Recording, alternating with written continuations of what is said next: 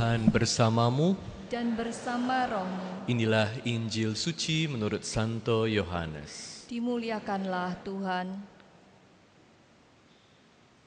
Ketika hari raya Paskah orang Yahudi sudah dekat, Yesus berangkat ke Yerusalem. Di halaman bait suci didapatinya pedagang-pedagang lembu, domba, dan merpati, serta penukar-penukar uang duduk di situ. Yesus membuat cambuk dari tali, lalu mengusir mereka semua dari bait suci. Dengan semua domba dan lembu mereka, uang para penukar dihamburkannya ke tanah, dan meja-meja mereka dibalikannya. Kepada pedagang-pedagang merpati ia berkata, Ambil semuanya ini dari sini. Jangan kalian membuat rumah Bapakku menjadi tempat berjualan. Lalu teringatlah murid-murid Yesus bahwa ada tertulis, Cinta untuk rumahmu akan menghanguskan aku. Tetapi para pemuka Yahudi menantang Yesus, katanya, Tanda apakah yang dapat engkau tunjukkan kepada kami bahwa engkau berhak bertindak demikian? Jawab Yesus kepada mereka, runtuhkanlah bait suci ini, dan dalam tiga hari aku akan mendirikannya kembali. Lalu kata orang Yahudi kepadanya, 46 tahun orang mendirikan bait suci ini, dan engkau dapat membangunnya dalam tiga hari? Tetapi yang dimaksudkan Yesus dengan bait suci adalah tubuhnya sendiri. Karena itu sesudah Yesus bangkit dari antara orang mati, barulah murid-muridnya teringat bahwa hal itu telah dikatakan Yesus. Maka mereka pun percaya akan kitab suci dan akan perkataan yang telah diucapkan Yesus. Sementara Yesus tinggal di Yerusalem selama hari raya Paskah, banyak orang percaya dalam namanya karena mereka telah melihat tanda-tanda mujizat yang diadakannya. Tetapi Yesus sendiri tidak mempercayakan dirinya kepada mereka karena ia mengenal semua manusia dan karena tidak perlu seorang pun bersaksi kepadanya tentang manusia sebab ia tahu apa yang ada di dalam hati manusia. Demikianlah sabda Tuhan. Terpujilah Kristus. Runtuhkanlah bait suci ini dan dalam tiga hari aku akan mendirikannya kembali. Saudara-saudari sekalian terkasih dalam Kristus, dalam Injil hari ini kita mendengar bagaimana Yesus marah di bait suci, di bait Allah. Saya mau mengajak Anda sekalian untuk merenungkan tema memuji, memuja Allah yang menguduskan kita. Memuji Tuhan itu salah satu hal yang sangat indah dalam hidup kita, menyucikan kita. Tapi sering kali kita ini tidak melakukannya dengan baik dan kita melihat dalam Injil hari ini juga pertama kita bisa mencuri kemuliaan Tuhan. Kedua, kita memuja Allah untuk alasan yang salah, alasan uang. Yang ketiga, saya mau mengajak Anda untuk melihat memuja Allah yang sejati bersama Kristus, seperti Kristus. Pertama, saya mau mengajak Anda melihat bagaimana di sini dikatakan dalam Injil hari ini bahwa bait suci, bait Allah itu dibangun selama berapa tahun? 46 tahun. Saya mau jelaskan sedikit kepada Anda. Bait suci ini ada di Yerusalem.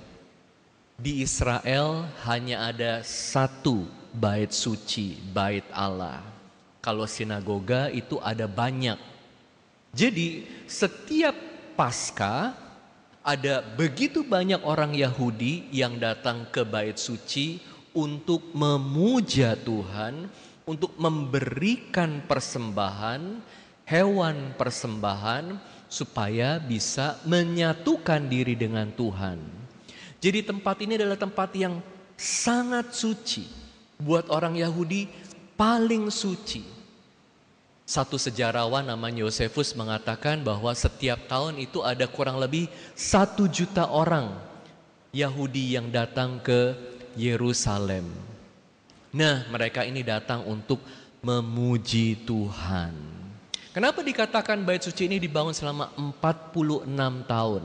46 tahun ini adalah pekerjaan Herodes, pekerjaan Herodes untuk memperbaiki, membuat bait suci menjadi sangat indah. Bait suci yang pertama itu dibangun oleh Salomo. Ya, ini anaknya Raja Daud, Raja Salomo yang membangun. Luar biasa besar. Struktur yang begitu hebat. Hektaran luar biasa. Sesudah beberapa ratus tahun dibangun, hancur. Dihancurkan oleh Raja Nebukadnezar dari Babilonian, hancur.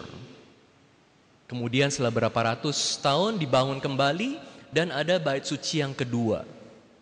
Tetapi bait suci yang ada di zaman Yesus, ini dari bait suci kedua, ini dibangun secara lebih spektakuler, luar biasa oleh Raja Herodes selama 46 tahun. Dan dikatakan bahwa bait suci ini luasnya seluruh kompleksnya itu sekitar 35 hektar. Bisa bayangin satu bangunan kalau dilihat dari jauh ada 35 hektar. Begitu besar, begitu luar biasa. Dan sangat mewah, sangat megah dari bahan-bahan yang sangat mahal. Bait suci ini dibangun di Bukit Moria, di mana Abraham mempersembahkan anaknya. Jadi Anda lihat tempat ini begitu suci dan begitu luar biasa. Nah, kenapa Herodes ini sangat tertarik untuk membangun bait suci? Ini karena ada ramalan di Hagai yang mengatakan bahwa Sang Mesias akan membangun bait suci yang lebih besar lebih hebat, lebih mewah daripada yang pertama. Dan Herodes mau menghidupi wahyu itu yang dikatakan bahwa Sang Mesias yang akan membangun bait suci ini. Makanya Raja Herodes yang hebat, dia disebut sebagai Herod the Great, Herod the Great. Padahal ini bukan Herod the Great, tapi Herod yang gila, dia gila kuasa karena dia membunuh istrinya, membunuh anaknya, membunuh saudaranya. Luar biasa gila, bukan luar biasa besar. Karena apa? Karena dia mau dikenal sebagai Sang Mesias, Raja yang hebat. Dia membangun bait Allah 46 tahun. Luar biasa strukturnya. Tapi supaya apa? Bukan supaya Allah dimuliakan, tetapi supaya dia dimuliakan. Herodes mencuri kemuliaan Allah. Bapak Ibu kita harus hati-hati belajar dari apa yang terjadi pada Herodes. Struktur yang begitu besar hancur. Gak ada orang yang pikir bisa hancur tetapi di tahun 70 bait Allah itu dihancurkan oleh orang Romawi karena perang. Apa yang dibangun oleh Herodes, Herodes the Great, sekarang ini tinggal sisa sedikit aja di tembok ratapan, ya.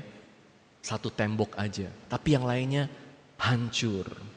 Tapi Yesus mengatakan, bait Allah ini, hancurkan bait Allah dan aku akan bangun dalam tiga hari. Karena Yesus adalah bait Allah yang sejati. Bait Allah adalah tempat yang paling suci untuk kita memuji Tuhan, memuliakan Tuhan. Kemuliaan Tuhan yang utama, bukan kemuliaanku. Makanya kalau ke gereja, anda sekalian yang rajin ke gereja, Anda sekalian yang rajin ikut dalam berbagai kegiatan gereja, Anda sekalian yang rajin melayani, Anda sekalian yang rajin menyumbang gereja. Semua ini bukan untuk kemuliaan kita. Harus ingat, berbagai hal yang kita lakukan ini untuk kemuliaan Tuhan. Jadi, kalau hanya untuk kemuliaan kita, satu hari akan hancur, pasti hancur, dan Tuhan sendiri yang menghancurkannya. Maka datang ke gereja sungguh-sungguh untuk untuk memuji Tuhan. Jangan jadi seperti Herodes the Great atau Herodes yang gila. Nah, poin kedua, kita juga bisa datang ke gereja memuji Tuhan, mencari Tuhan untuk alasan yang salah. Apa alasannya? Cari duit Katanya kalau diberkati itu artinya duitnya banyak. Semua proyeknya berhasil. Bahkan kadang-kadang gereja pun bisa diproyekin. Bisa dapat duit dari gereja. Harus hati-hati. Jangan salah mengerti, salah berpikir ya. Kita ke gereja untuk bersyukur kepada Tuhan, memuliakan Tuhan. Makanya Tuhan Yesus marah di bait Allah. Kenapa dia marah? Karena Yesus marah di pelataran bait Allah, di pelatarannya. Apa artinya pelataran bait Allah? Bait Allah itu bisa dibagi jadi tiga bagian. Ada ruang maha kudus, di mana ada di mana ini adalah yang paling penting tabut perjanjian, ruang maha kudus, hanya imam besar boleh masuk. Kemudian ada ruang kudus di mana imam-imam boleh masuk dan kemudian ada pelatarannya. Jadi di pelatarannya ini ini adalah tempat orang-orang berdoa dan bagian yang paling luar dari pelataran ini diperuntukkan untuk orang-orang non-Yahudi berdoa. Jadi yang non-Yahudi juga banyak yang datang. Karena apa? Karena mereka sudah belajar dari orang-orang Yahudi indahnya agama orang-orang Yahudi. Jadi mereka juga mau berdoa. Tetapi di tempat ini ternyata ada banyak orang jualan, tuker duit. Kenapa ada penukar duit? Karena orang Yahudi datang dari mana-mana. Kira-kira satu juta orang saat pasca, satu juta orang datang dari mana-mana. Mereka mau mempersembahkan kurban. Jadi mereka kan susah kalau bawa domba, bawa lembu jauh-jauh, bawanya uang. Tapi uang yang mereka bawa uang dari tempat mereka. Makanya nggak bisa langsung beli hewan kurban, harus tukar duit dulu. Kalau udah tukar duit, baru beli kurbannya. Maka di sini, di pelataran bait Allah, yang seharusnya menjadi tempat berdoa, tempat memuji Tuhan, ternyata jadi tempat jualan. Ini tentu menghambat banyak orang untuk bisa sungguh datang dekat pada Tuhan. Kita juga harus hati-hati. Jangan sampai kita datang ke gereja untuk alasan yang salah. Kalau nggak dapat proyek, ngambek sama Tuhan. Udah novena, udah ke gereja, kok proyeknya nggak dapat. Bahkan kita menjadi batu sandungan karena orang lihat ini alasannya bukan untuk memuji Tuhan, tapi untuk mencari keuntungan diri sendiri. Kalau suami lihat, istri lihat, ya katanya rajin doa, tapi ternyata hanya untuk alasan pribadi aja. Gimana kita nggak menjadi batu sandungan buat banyak orang? Nah, harus cari Tuhan. Karena dengan pemujaan terhadap Allah yang sejati, kita dikuduskan. Apa gunanya dikuduskan? Kita menjadi manusia yang lebih baik, hidupnya lebih tenang, hatinya penuh dengan kasih, memuji Tuhan bersama dengan Yesus. Kita masuk ke gereja, anda sekalian ikut misa, ruang maha kudus ada di gereja, di tabernakel, di mana Allah sendiri ya hadir di gereja. Allah mau menyucikan kita, menyucikan Anda dan saya, supaya hari demi hari kita jadi pribadi yang lebih baik. Doa itu sangat indah, doa sangat indah, karena di dalam doa kita semakin menyadari betapa Tuhan mencintai kita, betapa rencana Tuhan itu indah buat kita Betapa kalau kita itu bisa melihat berkat Tuhan, kita bisa bersyukur, hidup kita ini akan semakin hari semakin menjadi lebih baik. Kita jadi gak serakah. Kita jadi murah hati. Kita bisa jadi mengampuni orang lain. Mau gak Anda punya hati yang suci? Mau gak punya hati yang indah? Ini hanya Tuhan yang bisa kasih. Cari Tuhan, memuji Tuhan. Waktu saya coba cari contoh buat khotbah ini, saya ada ketemu satu artikel namanya dari seorang eksekutif ya dia ini uh, eksekutif hebat dari satu perusahaan minyak yang sangat besar Waktu dia umur 40-an, dia sudah sangat berhasil, sangat berhasil. Tapi hidupnya kacau balau. Dia punya banyak cewek dan hidupnya itu selalu tentang mencari uang dan mencari kekuasaan, mencari kenikmatan dunia. Dan dia berhasil sangat hebat. Tetapi dia katakan sama sekali nggak ada damai sama sekali nggak ada sukacita. Sukacitanya itu semu. Cuma sebentar seneng. Senengnya cuma lima menit, sepuluh menit, satu jam. Habis itu kosong lagi.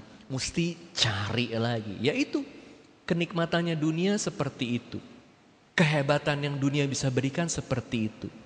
Gak kekal, hanya sebentar sekali. Jadi si David ini cari gimana sih supaya bisa bahagia. Ada temennya yang bilang, coba kamu pergi retret, pergi retret, ya. Jadi dia pergi retret dari Amerika, dia pergi retret di Spanyol. Dia ternyata itu tinggalnya waktu kecil, dia besar di Barcelona. Jadi dia ingat di situ ada satu tempat ziarah yang bagus sekali, di Montserrat. Di atas gunung ada pertapaan para rahib. Anda tahu kalau para rahib itu kerjanya apa? Setiap hari berdoa. Pagi, siang, sore, malam berdoa. Memuji Tuhan. Mencari Tuhan. Menyatukan diri dengan Tuhan. Jadi di Montserrat itu ada tempat ziarah yang sangat indah, sangat tenang dan ada rumah retretnya. Siapa tahu ada yang mau retret ya, retretnya ke Montserrat, cari para rahib. Si David ini retret di situ dan dia menemukan ketenangan.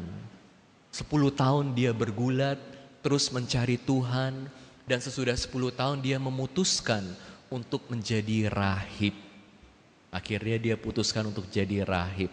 Tapi dia katakan perjalanan ini bukan perjalanan yang mudah ini adalah perjalanan yang sulit dan panjang untuk memutuskan menyatukan hati dengan Tuhan dengan cara yang paling radikal.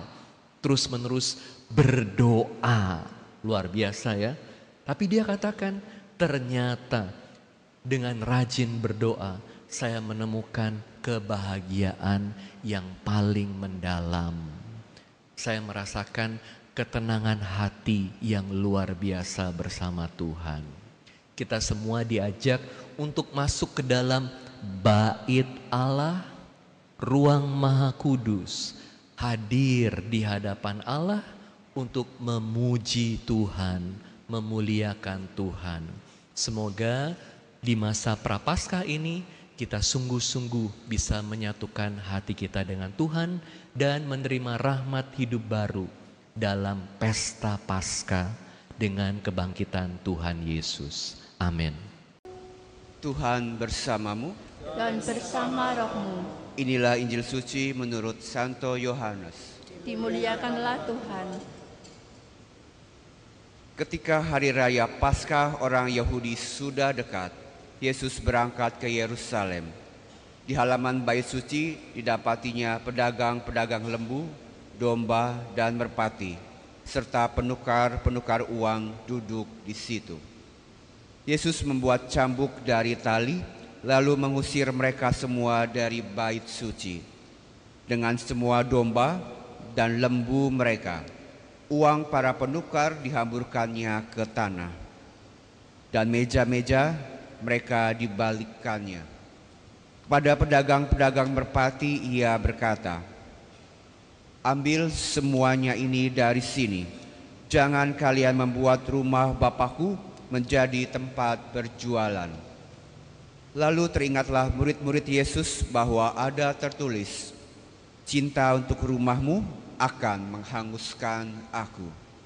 Tetapi para pemuka Yahudi menatang Yesus katanya, Tanda apakah yang dapat engkau tunjukkan kepada kami bahwa engkau berhak bertindak demikian? Jawab Yesus kepada mereka, Runtuhkanlah bait suci ini dan dalam tiga hari akan aku akan mendirikannya kembali. Lalu kata orang Yahudi kepadanya, 46 tahun orang mendirikan bait suci ini dan engkau dapat membangunnya dalam tiga hari? Tetapi yang dimaksudkan Yesus dengan bait suci adalah tubuhnya sendiri. Karena itu sesudah Yesus bangkit dari antara orang mati, barulah murid-murid teringat bahwa hal itu telah dikatakan Yesus. Maka mereka pun percaya akan kitab suci dan akan perkataan yang telah diucapkan Yesus. Sementara Yesus tinggal di Yerusalem selama hari raya Paskah, banyak orang percaya dalam namanya.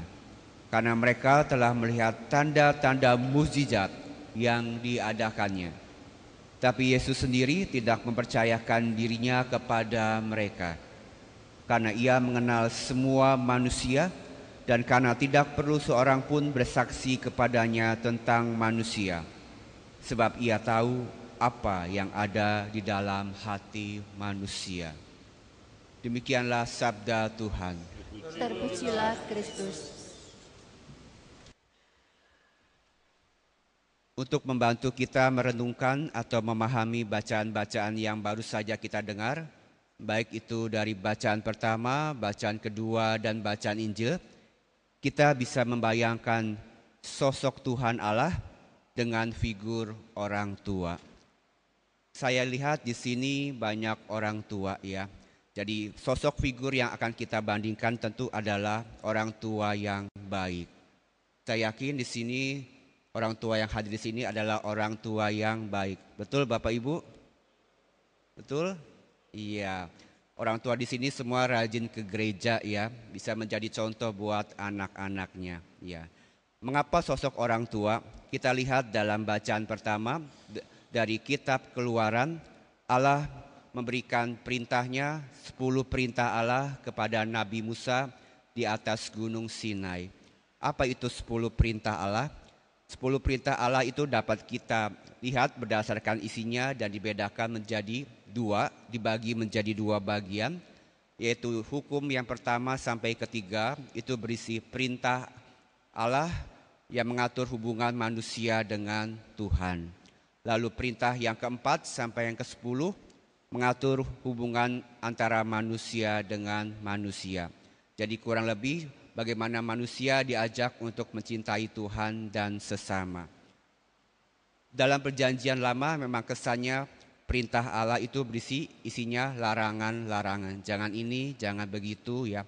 Itulah sebabnya Yesus datang untuk memperbaharui hukum Allah. Dalam kitab Matius dikatakan bahwa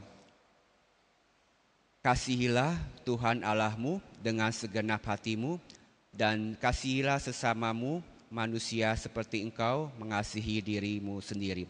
Jadi hukum Allah Yesus perbaharui dengan hukum cinta kasih. Saya yakin di sini para orang tua punya juga punya aturannya masing-masing di rumah.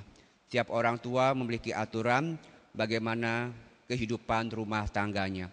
Dan aturan ini dibuat tentu supaya anak-anak dan keluarga dapat hidup dengan baik. Aturan dibuat oleh keluarga supaya kehidupan keluarga dapat terjamin, dapat berlangsung dengan damai sejahtera. Jadi sama seperti Tuhan yang menginginkan anak-anaknya hidup dengan baik dengan memberikan perintah, sama halnya juga dengan orang tua yang memberikan wejangan perintah yang baik kepada anak-anaknya. Lalu dalam bacaan kedua dari surat pertama Rasul Paulus kepada jemaat di Korin dan hikmat Allah. Sebab yang bodoh dari Allah lebih besar hikmatnya daripada manusia. Dan yang lemah dari Allah lebih kuat daripada manusia. Siapa yang bodoh dan lemah dari Allah? Dia adalah Yesus sendiri. Mengapa Yesus dikatakan bodoh dan lemah? Karena sekalipun dia Allah, ia mau menanggung salib yang adalah lambang kehinaan dan kebodohan. Yesus mau memanggul salib demi cintanya kepada umat manusia. Kadang cinta itu membuat manusia menjadi bodoh. Ya, terkadang menjadi orang tua juga sama. Kita menjadi orang tua kadang menjadi seperti orang bodoh. Ya, orang tua bekerja mati-matian dari pagi hingga malam. Ayah mencari nafkah, ibu mengurus rumah tangga, bahkan ada yang juga mencari uang. Semua demi anak-anaknya. Tapi pada kenyataannya tidak semua anak itu mau berbakti kepada orang tua. Meskipun demikian, orang tua tetap mencintai anaknya. Bodoh atau tidak? Iya, sudah iya, karena cinta membuat orang itu seperti orang bodoh. Tapi kita bisa belajar dari Tuhan bahwa cinta itu mengalahkan segalanya. Sekalipun cinta orang tua dianggap bodoh dan lemah, tetapi sesungguhnya cinta orang tua itu terbesar yang ada di dunia ini. Cinta orang tua itu lebih besar dari segala hal yang ada di dunia ini. Lalu dalam bacaan Injil mengisahkan bagaimana Yesus itu marah. Marah itu dosa atau tidak Bapak Ibu? Dosa atau tidak? Ya, di masa prapaskah ini kita diajak untuk berpantang dan berpuasa terutama untuk pantang marah, pantang emosi. Jadi dosa itu dosa jadi marah itu dosa atau tidak? Tidak Bapak Ibu, saya katakan bahwa dosa itu tidak berdosa. Eh, marah itu tidak berdosa. Mengapa? Karena marah itu perasaan, sebuah perasaan, perasaan spontan. Orang tua mana yang tidak marah melihat anaknya berlaku tidak baik. Jadi perasaan marah ini sebuah spontanitas. Apa yang membuat marah ini menjadi berdosa adalah cara mengekspresikannya yang tidak baik. Marah dengan berkata kasar, marah dengan kekerasan itu yang membuat marah menjadi dosa. Itulah sebabnya di dalam surat Rasul Paulus kepada jemaat di Efesus, Paulus berkata, "Jika engkau marah, hendaklah tanpa dosa. Jangan sampai matahari terbenam, namun amarahmu belum padam. Jangan memberi kesempatan kepada si iblis. Dengan kata lain, marah juga ada expirednya ya. Marah juga ada kadaluarsanya, tidak boleh selamanya. Kita boleh marah, tetapi semua itu harus diselesaikan dengan baik. Sama seperti makanan yang ada kadaluarsanya, sama kalau marah juga sudah expired, sama seperti makanan yang sudah kadaluarsa dimakan berbahaya, maka sama juga dengan marah yang berkepanjangan akan membahayakan hidup kita. Jadi marah harus tahu waktu, harus dengan alasan yang benar, dan diungkapkan dengan cara yang baik pula. Itu marah yang baik. Jadi apa pesannya Bapak Ibu dan saudara-saudari yang terkasih? Tadi di bacaan Injil hari ini Yesus ber, Yesus marah dan mengusir segala hal-hal yang tidak baik yang ada di bait suci. Yesus yang membersihkan bait suci juga melambangkan Yesus ingin menyucikan diri kita. Jadi Yesus mencintai Allah, mencintai rumah Bapaknya, dan juga mencintai manusia. Santo Paulus pernah berkata, tidak tahukah kamu bahwa tubuhmu adalah bait suci? Jadi dengan Yesus membersihkan mengusir para pedagang dari bait Allah. Dengan kata lain, Yesus juga ingin membersihkan diri kita dari segala hal-hal yang tidak baik. Yesus ingin memurnikan hidup kita, menyempurnakan hidup kita dengan menghilangkan segala hal-hal yang negatif dalam hidup kita.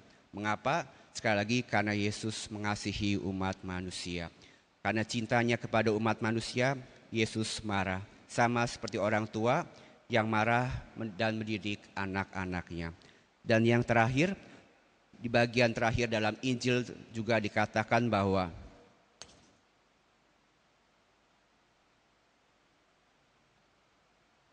karena ia mengenal semua manusia, sebab ia tahu apa yang ada di dalam hati manusia. Yesus tahu apa yang ada di dalam hati kita. Jadi, masa pertobatan ini mengundang kita untuk bertobat, dan hendaknya pertobatan itu janganlah pura-pura. Yesus tahu isi hati kita, kenal isi hati kita. Sama seperti orang tua yang mengenal hati anaknya, terlebih juga orang tua, terlebih juga Yesus yang sangat mengenal hati umat manusia. Jadi saat ini jika kita ini sedang lemah, kita capek, kita ingin marah, kita datang kepada Tuhan, kita ungkapkan segala persoalan hidup kita Tuhan Allah yang begitu baik pasti mengerti, Dia akan menjamah hidup kita dan akan mem memperbaharui hidup kita.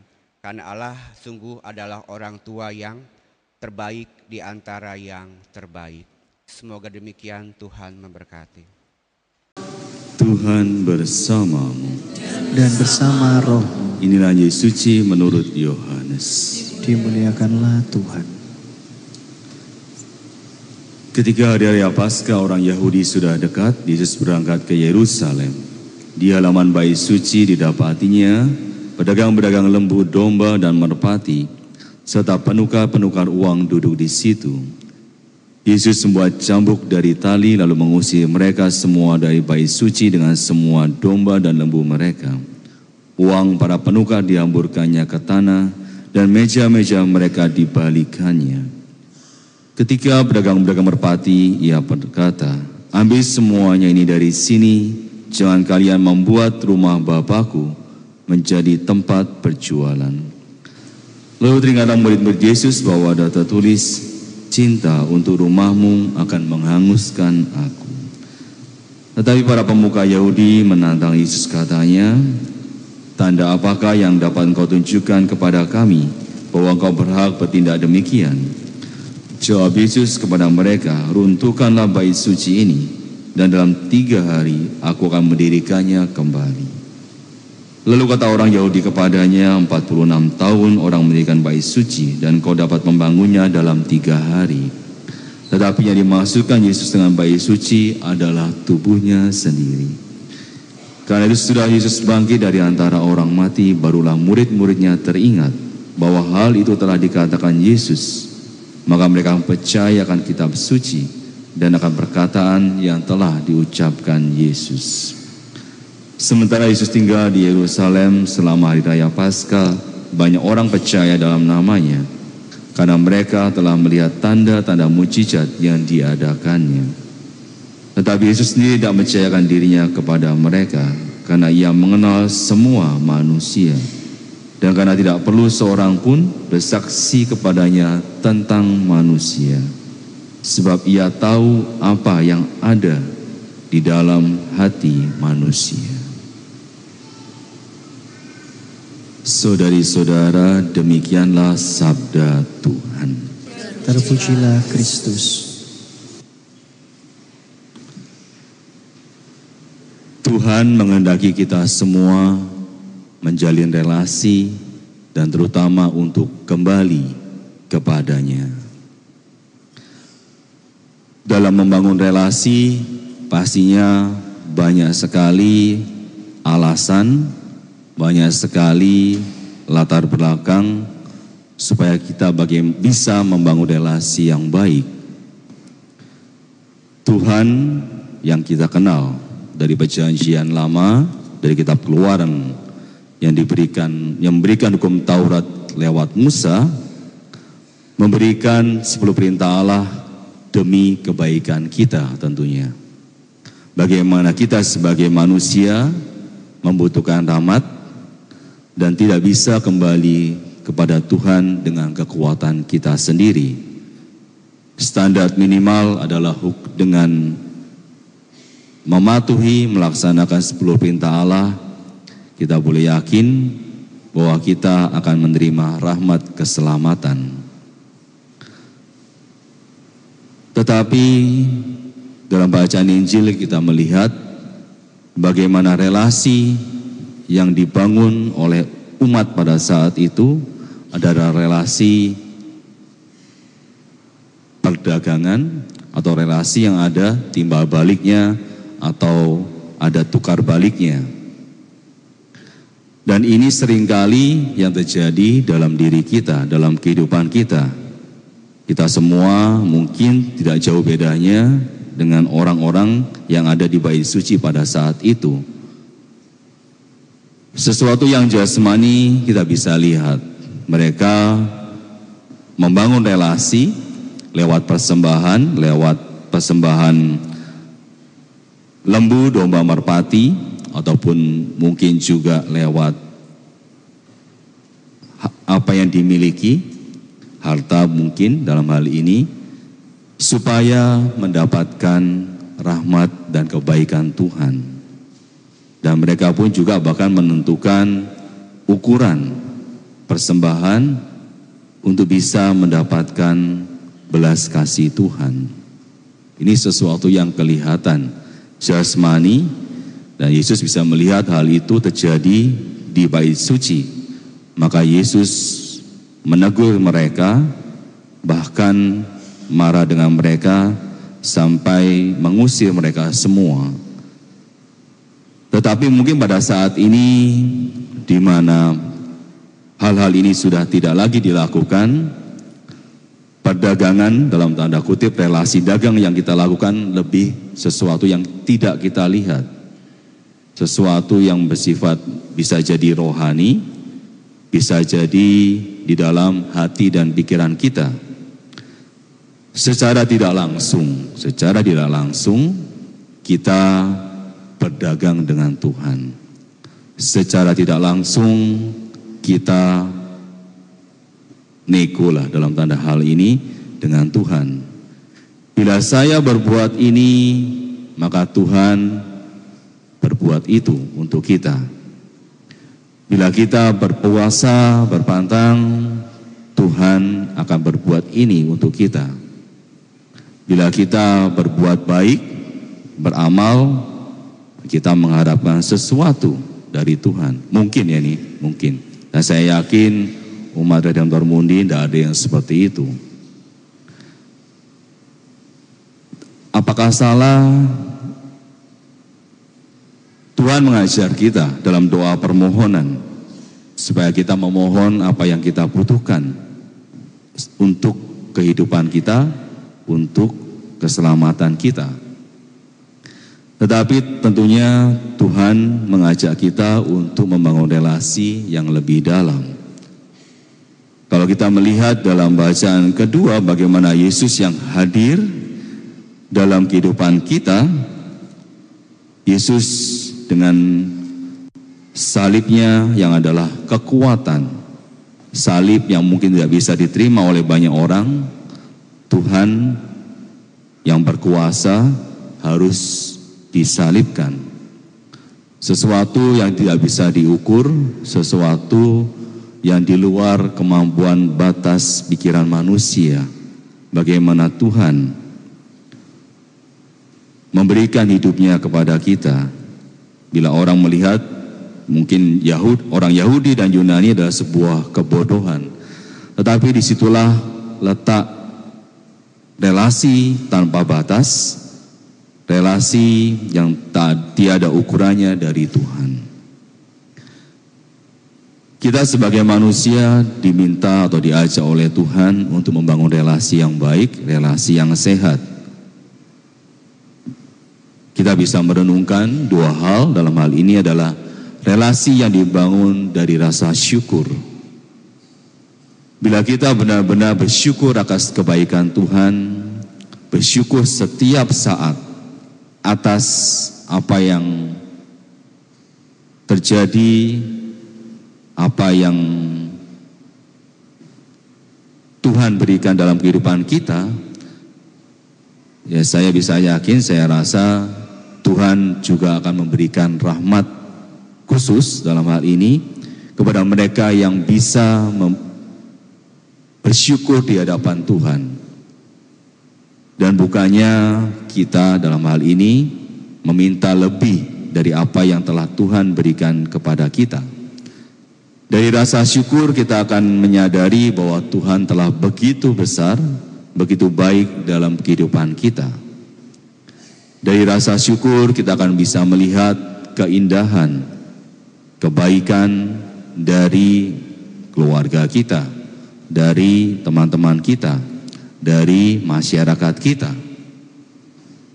Dan itu membutuhkan rahmat dalam kehidupan kita supaya kita selalu hidup dalam rasa syukur. Dari rasa syukur kita akan diajak untuk membangun kehidupan kita dalam relasi kasih. Tuhan dalam perjanjian lama dalam keluaran meminta kita ya dalam tanda kutip dengan memaksa supaya kita semua kembali lewat 10 perintah Allah jangan seperti itu jangan seperti ini tetapi semua itu adalah untuk kepentingan kita.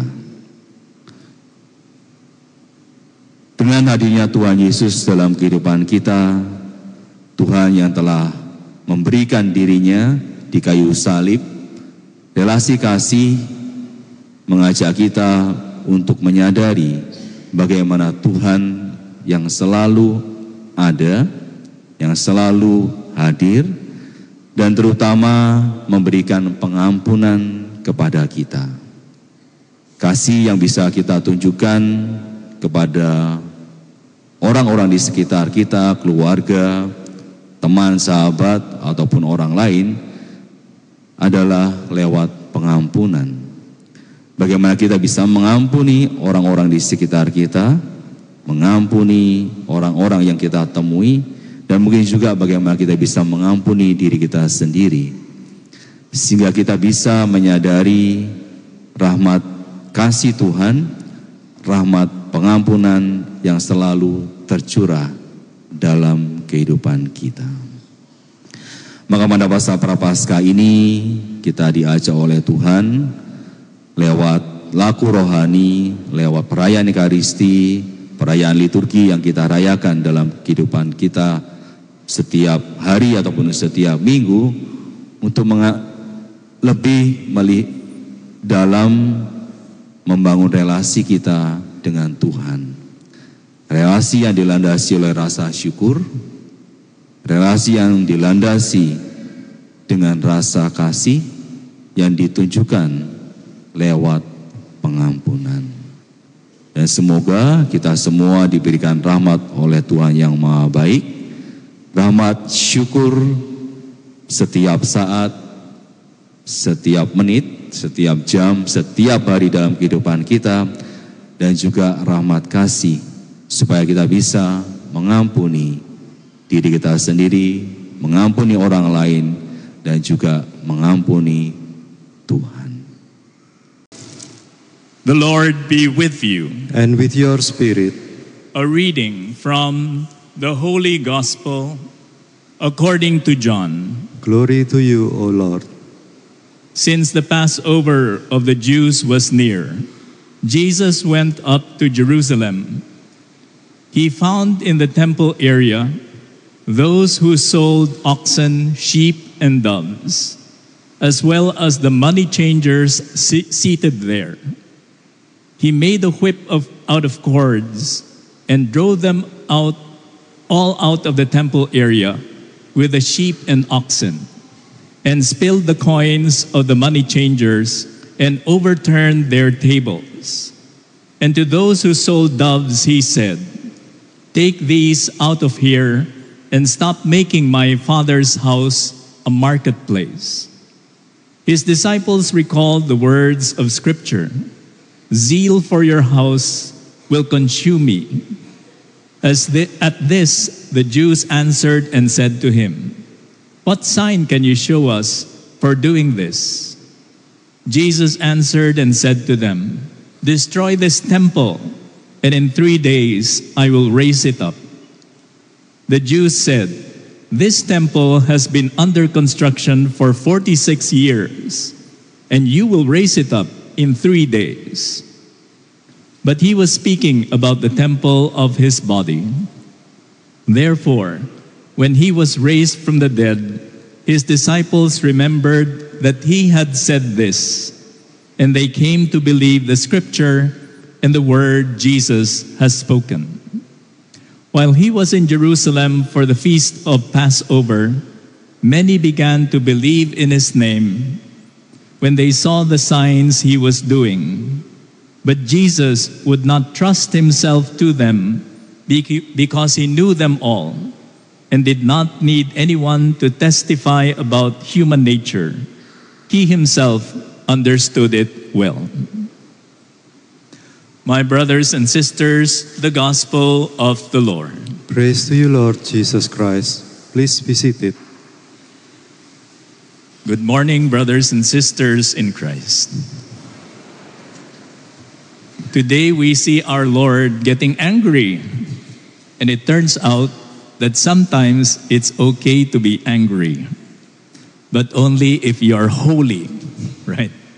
Most of the time, when we are angry, it is not a holy anger, and we are angry for the wrong reasons.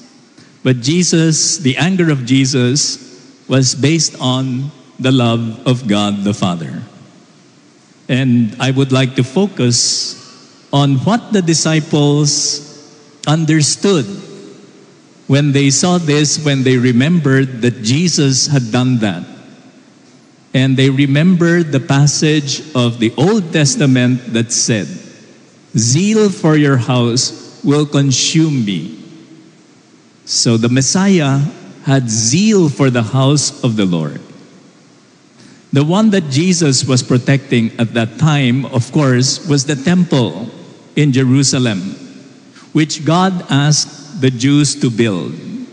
It had the Holy of Holies, the place where God used to appear to Moses and the prophets. So it was the way by which God communicated to his people. But now the Jews ask for a sign, and Jesus replies to them This is the sign Destroy this temple, and I will build it up in three days. And the Jews were surprised, and they mocked him. They said, It has taken 46 years to build this temple, and you will raise it up in three days. It's like they're saying, Come on, it took thousands of workers to put up this building, and it took 46 years for thousands of workers to build it. And you alone are going to build it in three days. But St. John explains that Jesus was talking not about the stone building, but about his own body, which we, he will raise up in three days. We are preparing ourselves during this Lenten season for this great miracle, the resurrection of the Lord.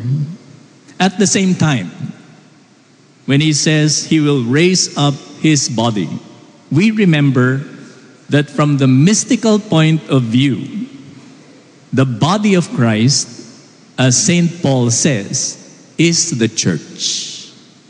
The, that's why he says, I will raise up this temple because the mystical body of Christ is the church.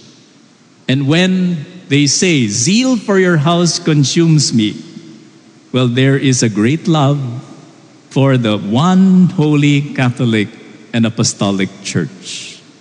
If Jesus loves the church as his own bride, as his own spouse, then we as Christians, we as Catholics, should also love the church. The church is our mother, and we should. It should also be said to us, "Zeal for your house consumes me." I know that with out of mutual respect, we all sometimes people think, well, Father, all churches are the same. And it's true, we should have that great respect, mutual respect, and never forcing anyone to follow the faith that we have. We can never force, we can only convince. But the way of doing that is to show the beauty and the truth of what we have. But first and foremost, we should know that we made the right choice. It's like someone who's getting married, right? And then finally found the right spouse. She is the one. He is the one. So for us, when it comes to the Catholic Church, she is the one. She is my mother. You remember when Jesus went to that place, Caesarea, Caesarea Philippi, and he asked his disciples this Who do people say that the Son of Man is?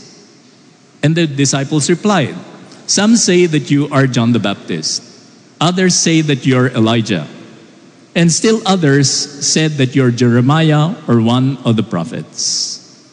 And then he said to them, But you, who do you think I am? Who do you say that I am? Simon Peter replied for everybody. And he said, You are the Messiah. You are the Son of the living God. Then Jesus explained, Blessed are you, Simon, son of Jonah, for flesh and blood has not revealed this to you. You did not say it because you're intelligent. You did not say it because you have a doctorate in theology. You said it because my heavenly Father gave you the grace. And so I say to you, you are Peter. That's why you have this grace. And upon this rock I will build my church. And the gates of the netherworld cannot prevail against it. I will give you the keys of the kingdom of heaven. Whatever you bind on earth shall be bound in heaven, and whatever you loose on earth shall be loosed in heaven. So Jesus said, Here you are. This is your guarantee. This is the guarantee that I give you. I know that we have been going through many difficult times in the church.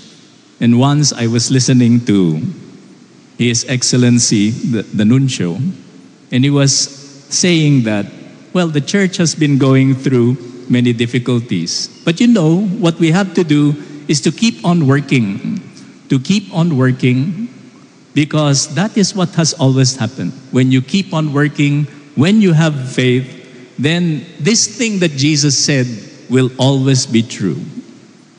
On this rock I will build my church, and the gates of the netherworld will never prevail against it. So we should love our mother. I remember many, many years ago, I was in Jakarta and there was a driver. The driver was from Nias. And then he was telling me the legend of the stone boat that is there in Nias. And if you know the legend, it is about a man, a young man who became rich. And he got rich because he had a boat. So uh, probably he was fishing and then he became very, very rich. But he had left his mother on a different island. And one day his mother heard that he had become rich. And so he, he, she went there in order to visit him and to ask for, for some help. When she arrived there, because she was poor, she was poor, so her son denied that she was his mother. That's the legend. And so when that happened, when he left his mother, he went into his boat, he left his mother, and his mother prayed to God and said, Oh Lord, please, please um, vindicate me before my son.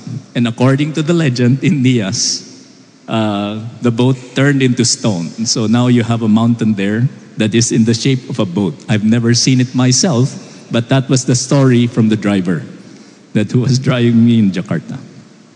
Well, the son did not recognize his mother. And sometimes that is what we do. We don't protect our mother enough. We don't work for our mother, the Holy Church, enough. Let us therefore, she's the one leading us actually in all this Lenten season, leading us towards holiness. Let us therefore make that resolution to help the church. First and foremost, by fulfilling your duties as a Catholic, as a, Christ, as a Christian, to attend Mass, to help in all the activities that will bring souls closer to Christ, to fulfill your duty of going to confession and making yourself holy. And sometimes, well, what we have to do is to provide for the ministers of the church. I mean, to provide ministers. I know that, uh, well, there are many families here, so may, maybe one day you can think that one of your children could dedicate themselves to God, right? And sometimes people think, oh, Father, I have few children. Um, the late bishop, I remember when my, my nephew came over here to visit me, he was going to get married. He was going to get married. And then when the, the bishop found out about it, he said, Four. my nephew was looking and he said, uh, Your Excellency, what? Four. Four children. He said, it's four. Two for yourself and two for the church. So you prepare them two for yourself, two for the church. Of course, the church will never force you to have that to determine the number of children that you should have. But think about it. Think about what you can do for the church in order to gain vocations for the church. Let us pause for a few moments of silent prayer, praying for our mother, the church, and praying that there be laborers in the harvest, praying that there will be people who will serve the people of God. Let us pause for a few moments of silent reflection.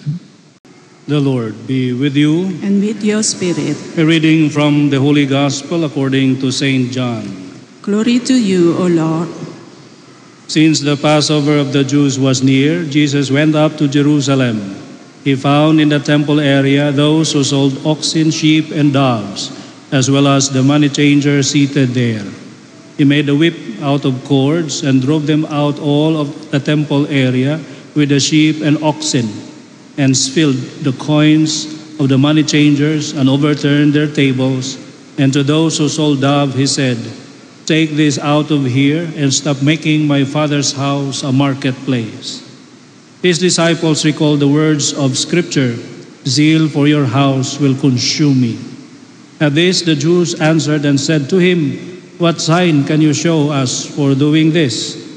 Jesus answered and said to them, Destroy this temple, and in three days I will raise it up. The Jews said, This temple has been under construction for 46 years, and you will raise it up in three days? But he was speaking about the temple of his body. Therefore, when he was raised from the dead, his disciples remembered that he said he had said this, and they came to believe in Scripture and the word Jesus had spoken. While he was in Jerusalem for the feast of Passover, many began to believe in his name when they saw the signs he was doing. But Jesus would not trust himself to them because he knew them all and did not need anyone to testify about human nature. He himself understood it well. The Gospel of the Lord. Praise to you, Lord Jesus Christ. Please be seated. On this third day of Lent, we are reminded of our call. And our call is that to be obedient to God, to do His will. The first reading reminded us of the Ten Commandments. Those are the basic things we have to do as followers of our Lord Jesus Christ, as servants or as daughters and sons of the Father. Now, why is it that we are not able to do God's will? Well, there are many reasons. One of the reasons is that our short sightedness. There is limit to what we can see, and there is limit to what we can understand. And because of these limitations, we are somehow uh, enamored or we are tempted to simply seek for lower uh, objectives in life, lower joys, fleeting joys.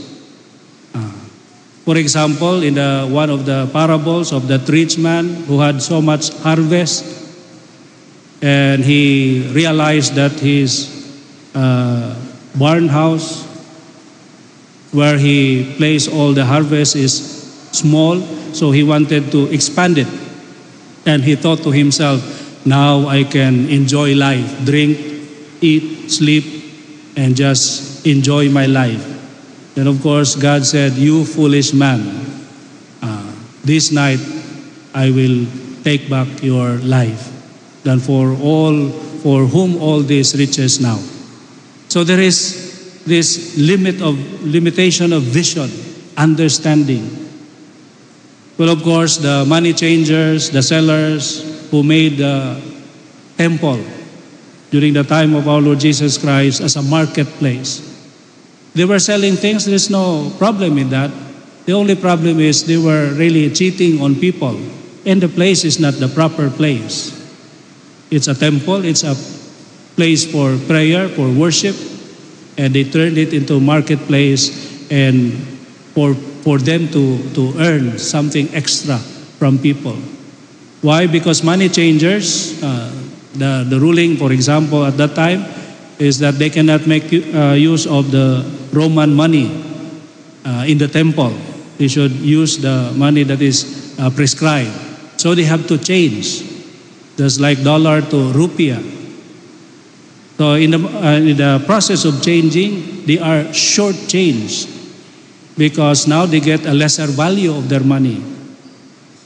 Now that they get lesser value of their money, they sell things there like doves for offerings and they sell it at a high high price.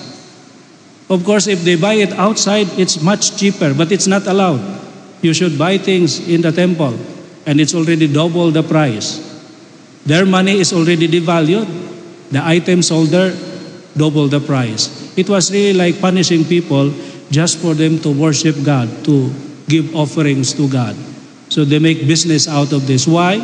Because of their short sightedness. They thought that it's better to earn money than to facilitate worship and prayer for people, for people to be one with God. That's why many people now at that time cannot offer anything to God because they don't have money and they just cannot afford it. So this is the one of the reasons why we cannot do God's will out of short-sightedness. The second thing, of course, is lack of passion. We may see things and we realize that we should do this and we should do that.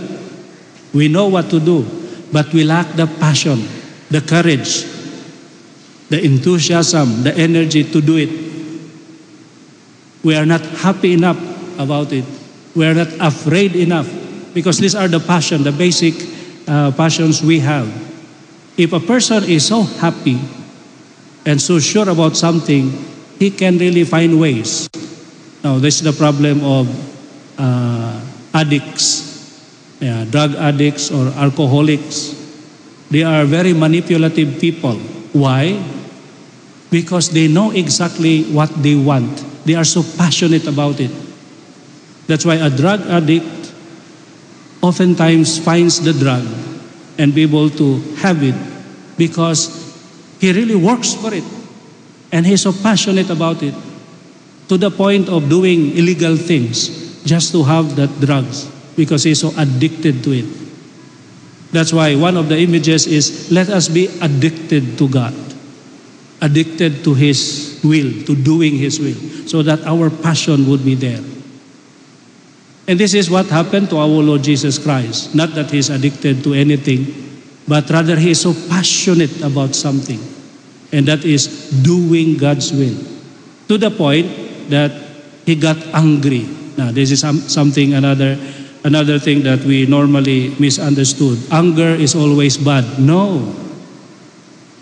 Because if it is bad, then our Lord Jesus Christ must have committed a sin because he was once angry.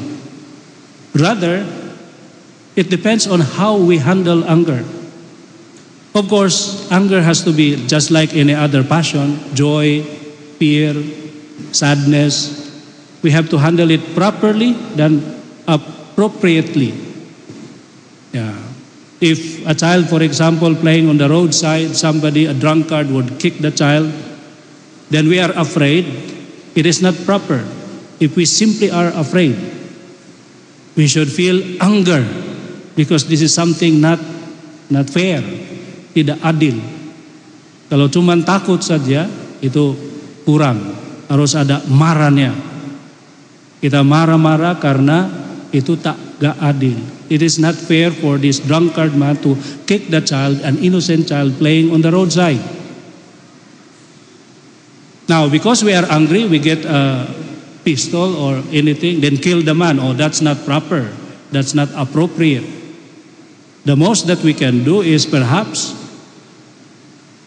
protect the child from this man to be kicked again or call the police to intervene. Meaning to say, let us do something productive because we are angry. So let our anger be productive, appropriate. Just like our Lord Jesus Christ, when he saw people abusing the place, making it a marketplace, which is the temple of God, the house of his Father, he did not kill anyone. He just drove them away. But it gave him the courage, that, that, uh, that anger, to really confront them. Turn the tables of the money changers, then send out the doves and everything that is being sold in the temple area to defy, to show to them his passion. But he did not kill anyone. Rather, he confronted them. And of course, they confronted him also. What right do you have to do all these things? Uh, what proof can you show us? And this is what he said, of course. Destroy this temple, and in three days I will raise it up. Again, they misunderstood him because they were thinking of the temple, the church. Actually, this church may be meaningful to us, but only because of one thing. And what is that? The Blessed Sacrament. On Holy Saturday, it's a good experience. That's why we try to emphasize that. This coming Holy Saturday, uh, this church will be empty of the Blessed Sacrament. And before, that's the time that uh, the altar servers would practice their movements here. That destroys the meaning of Holy Saturday. Because Holy Saturday is for us to experience the emptiness of the church. When you come Holy Saturday, hopefully you will feel that. When you sit down here and see the, the altar stripped of any ornaments, the tabernacle uh, empty of the Blessed Sacrament, the temple is empty. There is silence. There is nothing, no meaning at all. Cuman the building. Because now the Blessed Sacrament is would be outside in Balay Paroki. And where the Blessed Sacrament is, there is so much light, life, meaning because of the Blessed Sacrament. That's why when Jesus Christ was telling, destroy this temple, not the building, because the building has no meaning at all, but his body, himself, who is the temple. Then in three days I will raise it up. That's why when he resurrected, the apostles remembered, oh, that's what he meant. The temple destroyed, but in three days, once again, uh, once again restored. So this is now the invitation for us. First, to widen our vision, to have our plans go beyond, beyond human limitations, human understanding, so that we will not be uh, enticed to simply seek for worldly comforts, worldly satisfactions, and happiness. We can still be happy in the worldly way, but it's momentary and it's not deep. It lasts only a moment. After that, we are hungry again for something more. But if we are uh, we are happy because we have done God's will, it is lasting. If we are aware that we are able to help somebody in need, especially when we do it in secret, then our joy is sustained because we know that we have been a good child of the Father. And then, of course, we have to activate our passion. Let us be passionate on something. And if we were to be passionate to the point of being angry, and that is by in order to do God's will. When we see injustice around, we are angry. We should be angry. But not to the point of doing something evil. And because of that anger, he had the courage to confront the bad actions of the people in his time and then deliver the message. His passion for the Father, doing God's will. The temple is the house of his Father, and it should not be uh, made into a marketplace. Amen.